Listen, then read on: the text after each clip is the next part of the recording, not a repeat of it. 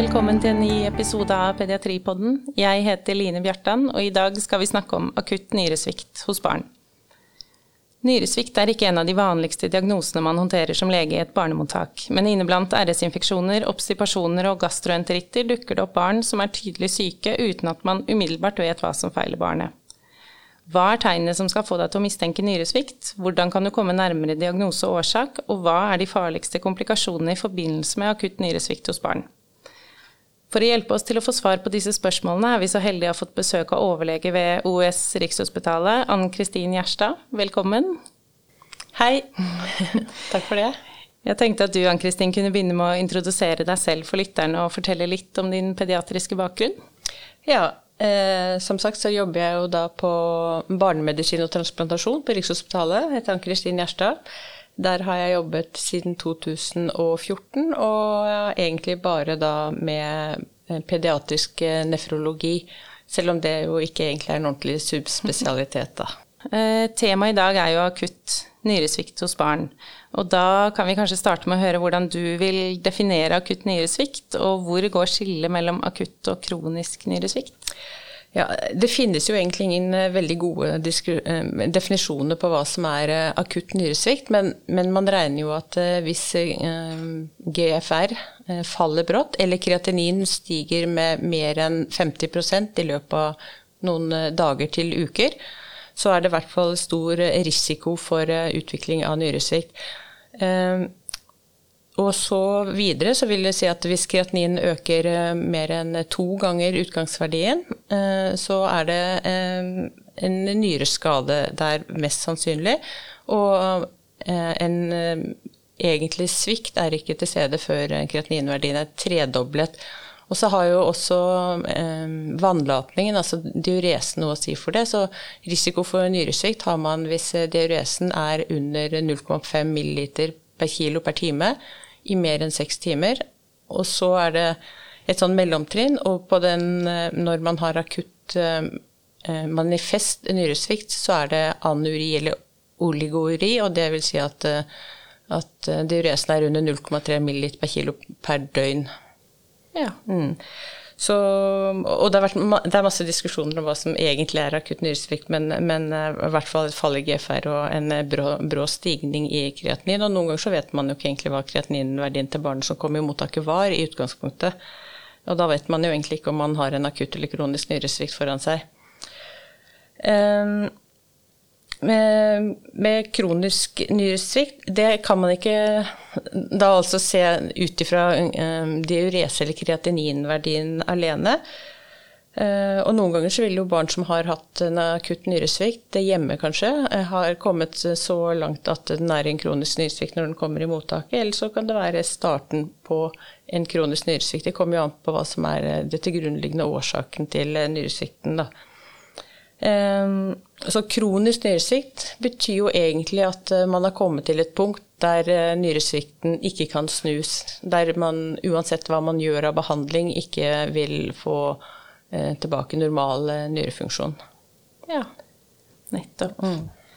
Um, jeg kan jo si kanskje litt om ja, Det kommer jo litt videre, kanskje, men, men det, det, er klart at ved, ved, for å skille akutt og kronisk nyresvikt, så så bruker man jo selvfølgelig um, anamnesen man har, om det er noe um, akutt uh, fall i, i allmenntilstand, eller om den har vært gradvis.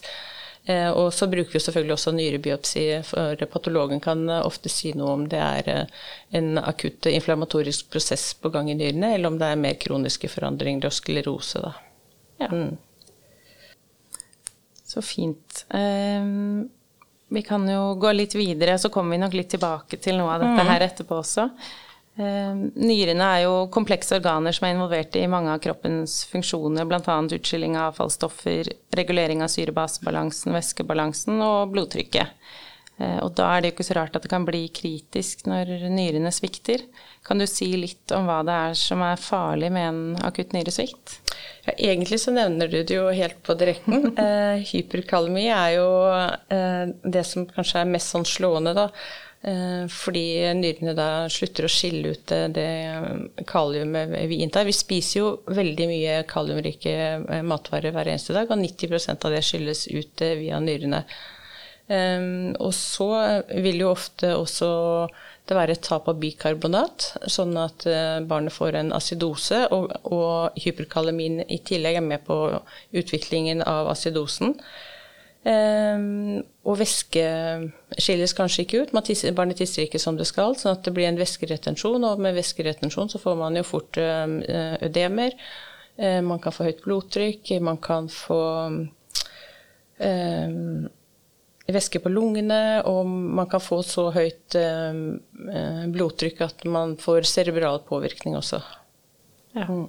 Det er vel liksom det mest eh, konkrete med det, i hvert fall. Mm. Um, så tenkte jeg skulle høre litt hva, hva de vanligste årsakene til eh, akutt nyresvikt hos barn er, for det er kanskje litt annerledes enn hos voksne. Og om det er ulike årsaker vi skal tenke på ut fra ulik alder på barna? Eh, ja, altså voksen, voksne barn kan jo få uh, nyresvikt av de samme årsakene. Men uh, du kan si at uh, f.eks. nyfødte har jo en uh, Når barn blir født, så har det lav GFR. så så det er da mer sårbar for sirkulasjonspåvirkninger, f.eks. I forbindelse med asfyksi.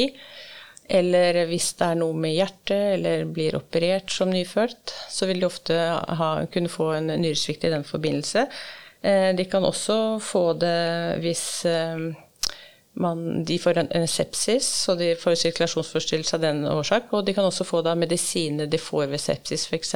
aminoglykosider og Ibux eller NSIDES. Um, I tillegg så kan de få det hvis mor har brukt ACE-hemmer i svangerskapet. Uh, det er jo ikke så vanlig. Vanligvis så får de jo Trandat eller en alfa-beta-blokker, de mødrene som har hypertensjon. da. Og så når vi kommer til de litt større barna, så er det jo ikke så helt uvanlig å se uh, postreptokokk glomerulefritt. Uh, som er jo en immunologisk eh, eh, nedslag i nyrene som forårsaker nyresvikt. Og så enda litt større barn, eller kanskje omtrent samme aldersgruppe, så er Henok Schönleis purpura eh, ganske vanlig. I hvert fall sånn som jeg ser det. Da. Det blir klart at På min side av bordet så, så, ser jo vi ting mye oftere enn det man gjør på, på et lokalsykehus, f.eks. Noen områder så er det mye musepest, eller sånn hantavirus, pumlavirus, som kan gi en akutt nyresvikt. Og det er jo egentlig en tubulostit interstitielle fritt, altså en tinn, som mm. forårsaker den, og det er også gjerne de små barna. Tinn kan også større barn, eh, eller ungdommer, stort sett få. Da er det gjerne litt uh, immunologi inne i bildet, så de kan også samtidig ha en eh, UV-IT. Um, ellers så er det jo, som det kanskje har vært et annet tema her, om hus, da, at det er et hemolytisk uremisk syndrom er jo typisk noe som rammer mindre barn, og som er veldig uvanlig. Selv om søsken, større søsken i familien og foreldrene har spist det samme, så får jo stort sett ikke de hus, da, men det rammer de mindre barna. Ja. Mm. Flott. Da er det litt forskjellige ting man skal tenke på ut fra aldersgruppe, men alt kan skje. alt kan skje i alle aldersgrupper. ja. Nå nevnte du jo litt forskjellige årsaker her, og man kan jo dele inn årsakene til nyresvikt Mm. Eh, litt sånn skjematisk, eller eh, ut fra hvor ja, det, ja, årsaken ja. sitter. Vil du si litt mer om det? Ja, Nå tenker du sikkert på prerenal, intrarenal og postrenal. Og prerenal nyresvikt er jo den eh, som vi ser absolutt oftest, og som er kan komme bare i forbindelse med en vanlig gastroenteritt der barnet mister mye væske, eller ikke inntar nok væske, eller har sepsis f.eks. Um, og så er det den renale, som er kanskje den jeg eh, Intrarenale, som det kalles, som kanskje jeg jobber mest med, som egentlig er mange årsaker, det også. Fordi den intrarenale nyresvikten kan komme fra glomerlysystemet, den kan komme fra tubulussystemet. Eh, den kan sitte i interstitie, og det kan sitte i de små eh, karene, eller blodårene, da, i nyrene. Og der har du jo de glomerulene frittene, selvfølgelig. Eh, fritt, som jeg nevnte i sted. Eh, og man har da også eh, bivirkninger av legemidler vil også forårsake en intrarenal nyresvikt. Intrarenalt skal man også si at en medfødt dysplasi er altså Hvis barnet er født med bilateral dysplasi, så, så er det jo interstitiet som er rammet og kan gi en um, intrarenal nyresvikt. Um, den postrenale er jo um, fra pediaterens synspunkt mye mindre vanlig. Det er jo uretraklaffer hos de små guttene som kan gi en uttalt nyresvikt allerede fra fødselen, der eh, gutten ikke klarer å tisse. Den kan også gi en litt mer sånn langsom uh, nyresvikt, som sniker seg litt på hvis det er mindre uttalte uretraklaffer. Ellers så kan jo selvfølgelig en blærestein eller bilaterale nyresteiner eh, også forårsake postrenal eh, nyresvikt, og en sjelden gang også selvfølgelig tumorer eller en skade ved en bilulykke eller annet. Ja. Mm. Det er eh, mange ting å tenke på når man skal begynne å lete etter årsak, men det er fint å dele det mm. litt mer eh, inn. Ehm, det er jo eh, sånn at, som jeg nevnte i introen her, at det hender jo man får inn dårlige barn i, i barnemottak som er åpenbart syke, og så vet man ikke helt hvor problemet sitter, eller hva de er mm. syke av. Er det noen spesifikke symptomer eller eh, symptombilder som umiddelbart bør gi mistanke om at vi skal tenke på nyren og nyresvikt? Ja, Det helt umiddelbare altså, som kanskje kan slå en, er jo hvis barnet opplagt har ødemer. da. Enten dekliveødemer eller at de har perioralt eh, ødem. Og så er det jo hvis blodtrykket er for høyt, det kan jo være andre årsaker eh, enn en barna er redd, som gjør at de har høyt blodtrykk. Det kan jo være reelt. Og så tar man vel nesten alltid urinprøve i forbindelse med innleggelse. Og, og alle vet sannsynligvis at litt utslag kan det være på den urinstiksen eh, uten at det behøver å være nyresykdom. Men det er klart at eh, hvis det er både blod og proteiner der, så må man jo tenke på at det kan være en reell affeksjon av nyrene som er til stede. Og hvis man da mikroskoperer urin og ser cellesylindere, spesielt av, av røde, røde, blodceller, så vet man jo egentlig at man har en glomerulinefritt. Um, og så er det jo, liksom, så er det jo denne liksom triaden igjen, da, av høy kreatinin, anemi og eh, lave trombocytter, som man ser ved hemolytisk uremisk syndrom, som selvfølgelig mange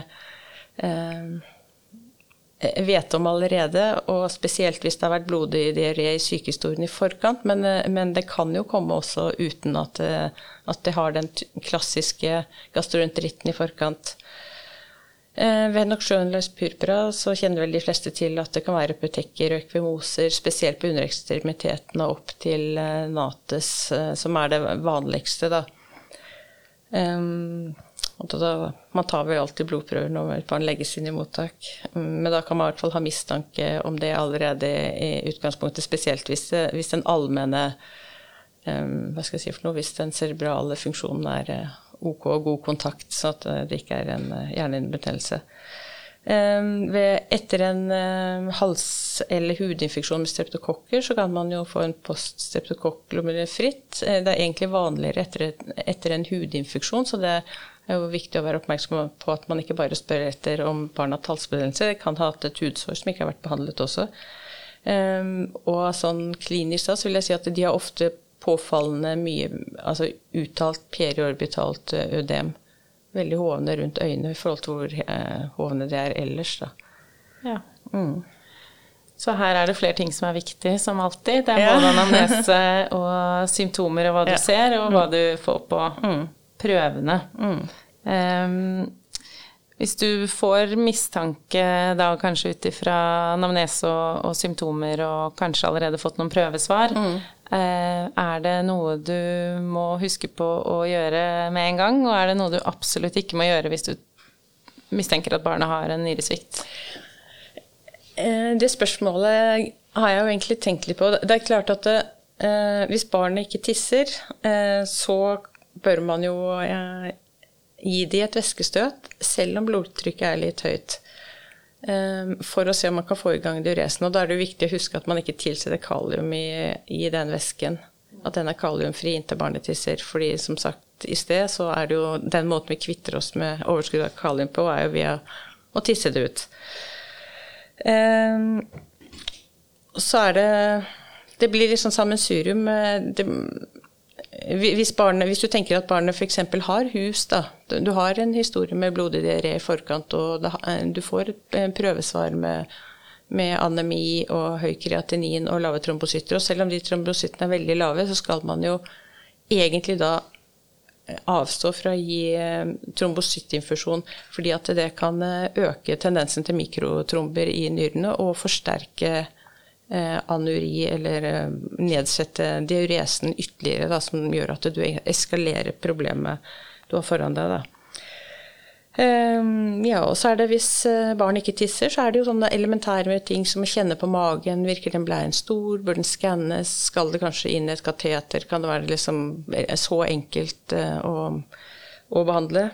Um, ja, jeg kommer ikke på noe Det, det viktigste liksom for meg, tenker jeg ofte når noen ringer, i hvert fall, er, er liksom å gi Det skader veldig sjelden å gi et øskestøt. Ja. Eh, og se om det hjelper. Selv om, selv om blodtrykket er høyt. Det er vel kanskje nesten bare lungeødem som er eh, kontra i forhold til det. Mm. Ja. Jeg syns det var et fint svar. Det er jo det man gjerne lurer på. Ja. Om det er ok eller ikke. Mm. Eh, vi snakket jo litt om, om det med prøvetagning og, mm. og kreatinin osv.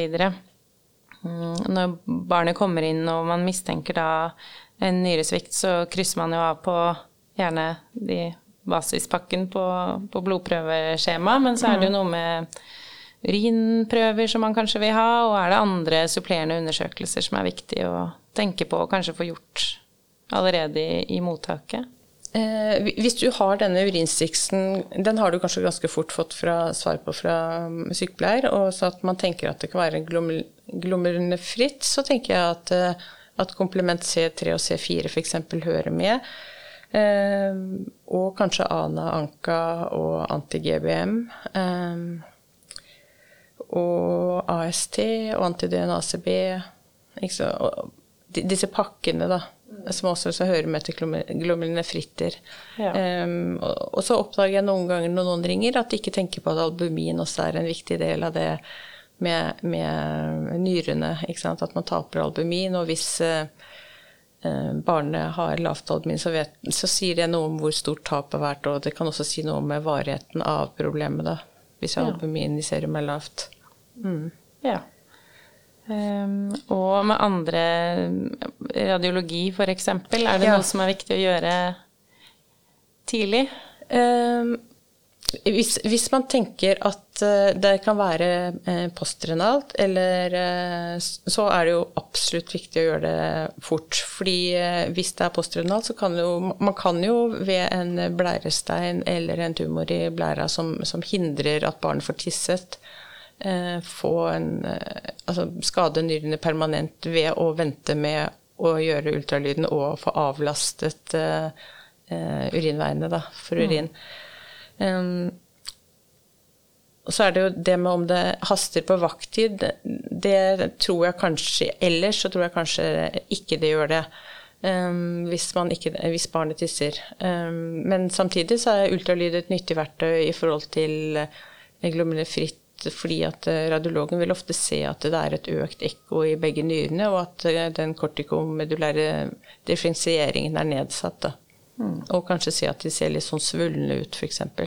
Ja. Mm. Så oppsummert så er det jo da blodprøvene som mm. var nevnt, ja. urinstiks ja. eh, og ultralyd, hvis man har tilgang på det. Mm. Eh, og så er det dette med urinmikroskopi. Ja. som eh, vi alle kanskje husker fra studiet og eh, har en app som man kan se på. Men vil du si noe om det? Og... Ja. Eh, en negativ Stix eh, tenker jo jeg at den trenger jo ikke å mikroskoperes. Eh, det mm. sier seg kanskje selv. Eh, og så er det jo sånn at hvis den er positiv for proteiner, så vil du ofte heller ikke se så veldig mye på den. Det er jo egentlig hvis det er både proteiner og blod, eller spesielt av blod, at man finner noe på den urinstriksen. Og det man ser etter da, er jo om de røde blodcellene er hele, eller om de er fragmentert Eh, er de fragmentert, så tenker man jo at de må ha gått gjennom glomerlig og komme liksom fra nyrene og ikke komme lavere nedefra. Um, og uh, hvis det er uh, cellesylindere, eller særlig retrocytte sylindere, så vet man jo egentlig at det er en glomenefritt som barnet har.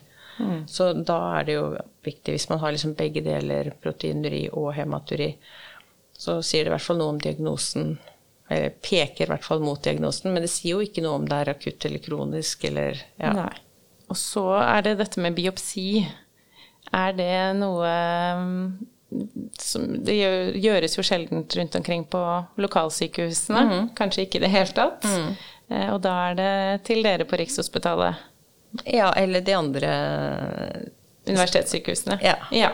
Eh, når, eh, når er det viktig å få en biopsi? Altså, hvis du får inn et barn da, som har for høy akreatinin, og selv om den ikke er 500, eh, men eh, den er 150, eh, da, mm. og, så, og barnet er åtte år, og så gir du væskestøt og godt med væske første døgnet, for du har på en måte kontroll på, på, at det ikke blir helt voldsomt overhydrert. Og dagen etter så er kreatinin 250. Da tenker jeg at da skal, ringe, da skal det ringes til et eh, av sentralsykehusene umiddelbart med tanke på å føre barnet for, eh, for nyrebiopsi. Eh, fordi at da kan man ha en sånn rapid progressive glomerulonephritis, og det, det, betyr at det, det raskt utvikles nekroser i glomeruli, og det, det, kan føre til permanent skade som kan behandles med solomedrol eller prednisolon. Mm. Men, men, man må på en måte unngå at det, det, går for langt. Eh, og samtidig da så er det også viktig at man ringer til laben. Eh, og hvis man da har tatt allerede ANA, nei, ANKA og anti-GBM, så er det viktig å ringe til laben og si at dette vil jeg ha som ø-hjelp. Ja. Ja. Eh, for, da, for, da for, da, er, det liksom snakk om å redde nyrefunksjon. Mm. Eh, så da må man liksom være raskt ute. Um, Ellers så er det jo akutt nyresvikt der man liksom egentlig ikke finner noe altså man, Når man tar de blodprøvene, antistoffene jeg snakket om i stad Man finner egentlig ikke hva som er årsaken. Da tenker jeg at det også er en indikasjon, for man er jo ikke fornøyd med det. Man må jo liksom, liksom sette en merkelapp på mm. hva det er, og i forhold til å vurdere behandling, hva skal vi gjøre, hvordan kommer dette til å gå. Mm. Um, og så er det jo Henok Sjøen langs purpura. Der har det vært kanskje en tradisjon i Norge for at de biopserer vi ikke. Men mange av de har jo kanskje en ganske betydelig proteineri og høyt blodtrykk og også eh, forhøya kreatinin. Og jeg tenker jo egentlig at de sannsynligvis også bør eh, biopseres med tanke på om de trenger behandling. Selv om vi vet hva det er. Eh, og så er det jo dette med dette dette med den urinsedimentet som jeg snakket om i sted, at du har eh, hematuri og proteineri, og der du kanskje har eh, sylindere i urin, som er et sånt såpass eh, Altså et nefritt sediment. Da kan man jo hende at man er inne i gaten på revmatologiske sykdommer, vaskulitter, og de kan noen ganger ha eh, mer funn i urin enn det de har på blodprøver. At det ikke nødvendigvis engang kreatinin er forhøyet, eller bare bitte litt forhøyet.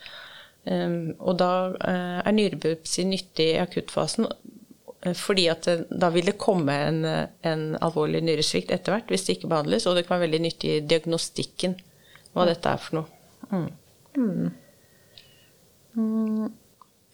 Så nevnte vi jo kanskje litt i sted dette med komplikasjoner som kan oppstå når nyrene ikke virker som mm. de skal, som vi da skal prøve å unngå at kommer, mm. men, eh, men, må forberede oss på å håndtere. Er det noe spesielt vi trekker fram? Ja, det er jo Hvis man kan unngå eh, Eller man må være forberedt på å håndtere hyperkalemi. Bruke algoritmer for hvordan man behandler det. Eh, man bør ikke forverre den med å la barnet fortsette å spise veldig kaliumrike matvarer. Eh, og man bør ikke gi eh, for mye kalium i intravenøs væske hvis det er snakk om det. da. Og så er det det med hypertensjon. Man må ha god kontroll på væskeregnskapet, og veldig mange hvis de har eh, væskeretensjon, så må man jo ha ganske strenge væskerestriksjoner, da. Så det må man jo være forberedt på å håndtere. Og så er det jo Det temaet har jo vært oppe før, men så er det jo sånn som ved hus f.eks., så, så kan jo på en måte når man har hemolyse og tromber samtidig, så kan alt mulig skje. Det kan, skje, det kan blø fra tarmen, det kan blø i hodet. Eh, man kan ha veldig vanskelig for å kontrollere blodtrykket. De kan få kramper av det og ja, eh, lungedem, hjertestans, alt mulig. Ja. Mm. Så man må liksom være forberedt. Men det er klart, da må man jo snakke med et eh, regionsykehus med tanke på dialyse, som vi kanskje kommer også litt mer tilbake til. Ja, da gikk vi rett over til neste spørsmål, mm. egentlig. Hvis um, du vil si litt om når skal man begynne å tenke på det med dialyse? Og mm. hva er kriteriene for Ja. Um, det, er, det er egentlig to sånne hovedkriterier. Det er hyperkalemi, som man ikke får kontroll på. Um, og så er det urea eller karbamid over 40 hos eh, større barn. Uh, og hos nyfødte urea eller karbamid over 15 til 20. Mm. Det er sånne absolutte indikasjoner for dialyse. Forhøya for høya fosfat f.eks., selv om den er ganske uttalt, bruker vi ikke som dialyseindikasjon. Så det blir på en måte dette Og, og kal, veldig store kaliumproblemene eh, kommer jo ofte av eh, samtidig væskeretensjon, som jo også kan være en indikasjon hvis barn ikke tisser, så vet man jo, og ikke får i gang diuresen, så vet man at man kommer til å ha eh, et veldig stort problem ganske fort. Mm. Så de tre vil jeg si da høy urea, intraktabel høy kalium og væske, uttalt væskeretensjon. Ja. Mm. Og da snakker man med noen på regionsykehusene? Da snakker man vel med noen på regionsykehusene, ja. ja. For oppstart av dette. Mm. Ja. Um, du nevnte jo uh, Vi har snakka litt om det med væskeregnskap og følge nøye med på hva som går inn og ut, men hvordan er det med ernæring uh, og hva barnet skal få spise og få i seg. ja. Er det, det er sikkert et stort tema, men er det noen helt spesielle ting vi skal huske på, eller? Altså, de minste barna er jo for så vidt ganske enkle, fordi kan man ja, legge det en sonde på gi Kindergen. Det er jo en, eh, en morsmelkerstatning med lave kaliumverdier i. Eh, så det, og heller man kan prøve å halvblande hvis eh, mor gir på flaske, eller kanskje det holder for å holde kaliumet under kontroll det er veldig mye med, denne, med kalium, kalium og fosfatrike matvarer. Eh, og da er det jo særlig melk da, og melkeprodukter, som jo er litt dumt hos eh, barn. Eh, brunost, bananer, avokado, eh, sjokolade, nøtter, poteter, stekt kjøtt, stekt fisk. Ja, alt sammen ja. inneholder mye kalium. Og det, veldig mye frukt og grønnsaker inneholder også kalium. Det som kan hjelpe på kaliumnivået i matvarene, er hvis de blir kokt. Kokt kjøtt, fisk og, eh, og grønnsaker vil Og hvis man kaster da kokevannet, mm. da har man redusert kaliumnivået, da, f.eks. Ja. Mm. Men det, dette er jo kjempekomplisert, så hvis man ikke har en klinisk ernæringsfysiolog, så er det jo veldig vanskelig egentlig å finne hva i denne jungelen er det sånne enkeltting som faktisk barnet kan få lov å spise. Ja. Mm. Da er det kaliumrestriksjoner som er det viktigste. Kaliumrestriksjoner, og så er det eh, Nå snakker vi jo ikke om nefrotisk syndrom, der vil det ofte være veldig aktuelt med salt-natriumrestriksjoner eh, også. Mm. Eh, og det er jo aktuelt her også hvis er, eh, barnet er veldig overvæsket, men det er klart at det er veldig komplisert å innføre alle typer restriksjoner på en gang, og noen ganger så kan det være indisert og gi en viss proteinrestriksjon hvis urea uria sånn isolert sett er et eh, stort problem. Mm. Men det er vi liksom litt mer tilbakeholdne til. Proteinet er jo noe som barnet trenger også for å vokse. Og hvis vi liksom tar alle disse tingene inn samtidig, så ja, Hvis vi skal både ha væskerestriksjon, saltrestriksjon, kaliumrestriksjon um, og hva var det siste jeg sa? Fosfat. Fosfatrestriksjon. Ja. Da er det ikke mye igjen å spise. Nei. Så det Men, viktigste som vi kan tenke på først, er kalium. Og ja, da hadde ja. jo du en liste der over ja, og, diverse matvarer. Ja, og hvis man har, er så heldig å ha en KEF, så er det jo veldig, veldig lurt å få inn en KEF eh, fort. Ja. Mm. Um, vi, nå snakket vi jo litt om ernæring og, og væskeregnskap, og det henger jo litt sammen alt sammen, også med blodtrykket. Mm. Eh, hvordan kan blodtrykket bli en utfordring hos en nyresviktpasient? Eh, blodtrykket eh, er jo først og fremst eh, et stort problem hvis du har noe intrarenalt i nyren. For da vil jo sirkulasjonen i nyren være nedsatt, sånn at du aktiverer renin, angiotensin eller RAS-systemet. Så du får et høyt blodtrykk som går på autopilot. I tillegg så har du kanskje en væskerestriksjon som ikke akkurat gjør det så veldig mye bedre.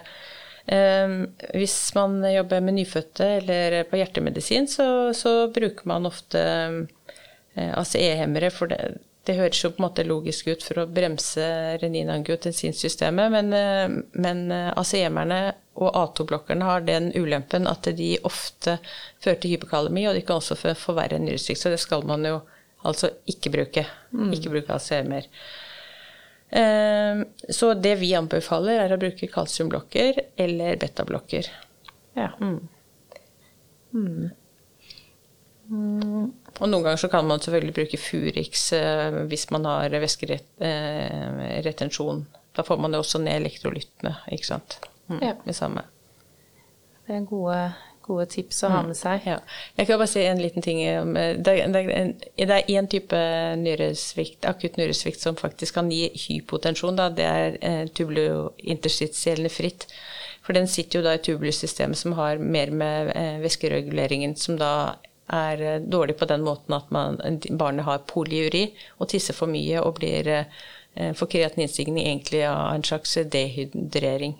Da må man ja, da må man egentlig bare gi væske. Ja.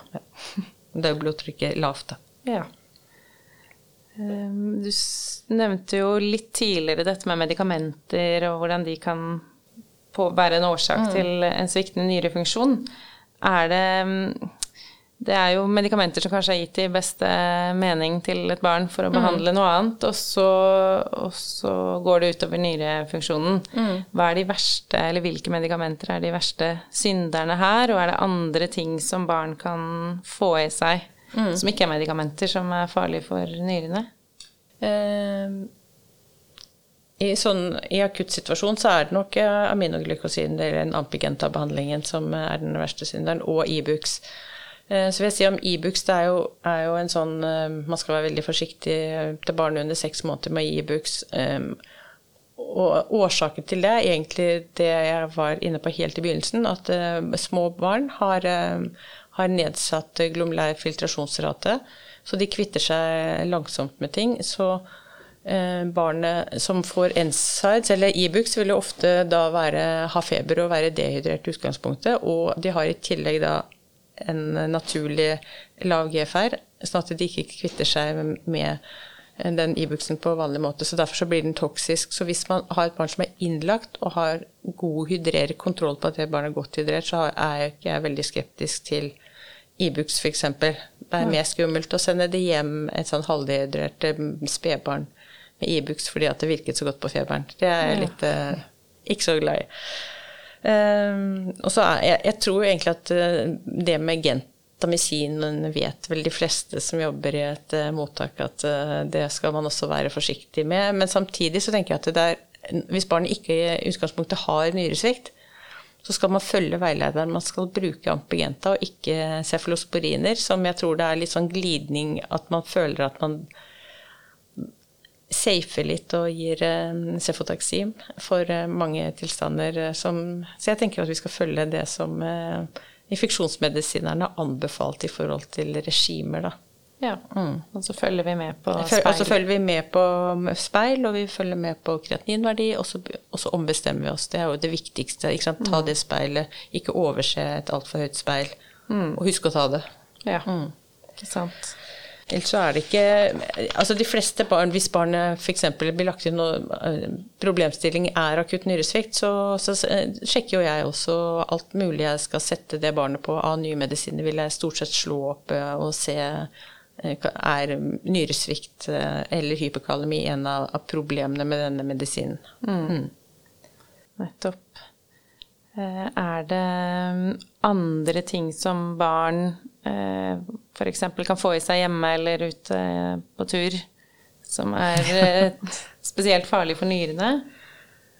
Eh, ja, det er jo sopp, da, men jeg, det tror jeg, jeg tror ikke barn liksom, sånn intuitivt spiser sånn voldsomt mye sopp som de finner ute i naturen. Eh, og så vet jeg at det er litt sånn kjepphest på mange at eh, barn skal ikke ha ting fra helsekostbutikken og sånn. Og, og, vi har ikke hatt noen innlagt som har fått noe fra helsekosten som har medført eh, akutt eh, nyresvikt. Det fins jo noen eh, kinesiske urter og urteteer som som er mistenkt. Men jeg, sist jeg sjekket, så hadde de jo ikke den teen i Norge engang. Så, ja, så, så, jeg vet ikke helt der.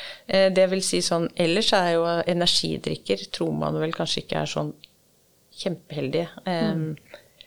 Spesielt sånne veldig proteinrike drikker som gutter som trener eh, i ungdommen, tar. At det kan bli en veldig sånn stor proteinbelastning. Ja. ja. Ikke, var det noe spesielt du tenkte på? Nei. Nei. Ehm, det var egentlig ikke det. Ja. Det var eh, mest om det er noe spesielt man skal spørre etter. Men ja. da, du svarte jo egentlig veldig fint på det. Det er eh, det vi gir gjerne av behandling med Enside og, mm. Og gentamycin, som mm. er det vanligste. Det, er klart at foreldrene kan jo ha gitt uh, insights hjemme, da. Mm. Etter råd fra kollegaer ute, eller ja. Mm. Og kanskje lenge, eller for mye, eller ja. Mm så har vi jo vært Det siste spørsmålet her har vi jo vært litt inne på, så jeg vet ikke om du vil nevne noe mer med om det er spesielle pasient, pasientgrupper innad i vår pasientgruppe som er barn, mm. som er spesielt utsatt. Og du nevnte jo nyfødte. Ja. I tillegg så er det vel eh, kreftbarna eh, som jo får mye nefro- og ototoksiske medisiner som man skal være oppmerksom på. Mm. Eh, og så er det jo de transplanterte, hvis man jobber et sted der man har Altså det bor jo transplanterte pasienter eh, rundt om i hele landet eh, mm. som kan komme inn i akuttmottaket. Og de kan jo selvfølgelig ha en akutt nyresvikt eh, både av de medisinene de bruker, og av andre årsaker. De ja. medisinene som brukes, de immundempte medisinene som, som de transplanterte bruker, er dessverre nyretoksiske også. Ja. Så sjekk medisinlisten mm. eh, til et barn som, som, har disse symptomene. Flott. Tusen takk for at du ville komme hit i dag og, og lære oss om akutt nyresvikt. Eh, klarer du til slutt å oppsummere tre take home messages til lytterne våre? ja, eh, jeg vil jo si at eh, et væskestøt er sjelden feil ved akutt nyresvikt nest, det er nesten obligat å gi et væskestøt for å se det, hvilken vei det går med kreatinin da. Hvis, med mindre man mistenker lungedem. Um, og så vil jeg si at hyperkalemi ser vi jo utrolig mye i akuttmottak. Det er farligere hos et barn med nyresvikt enn hos de andre barna. For de andre barna de vil kunne tisse det ut. Det vil ikke et barn som har nedsatt eh, diurese og nyresvikt. Så det er mye farligere der. Eh, og en rask stigning i akkuratnin, da bør man kontakte eh, et regionsykehus for, med tanke på nyrebiopsi. Ja. Mm. Flott. Igjen tusen takk eh, for at du ville komme hit. Ja. Og takk til alle dere som hører på. Det setter vi stor pris på. Jeg heter Line Bjartan, og vi høres igjen om en uke.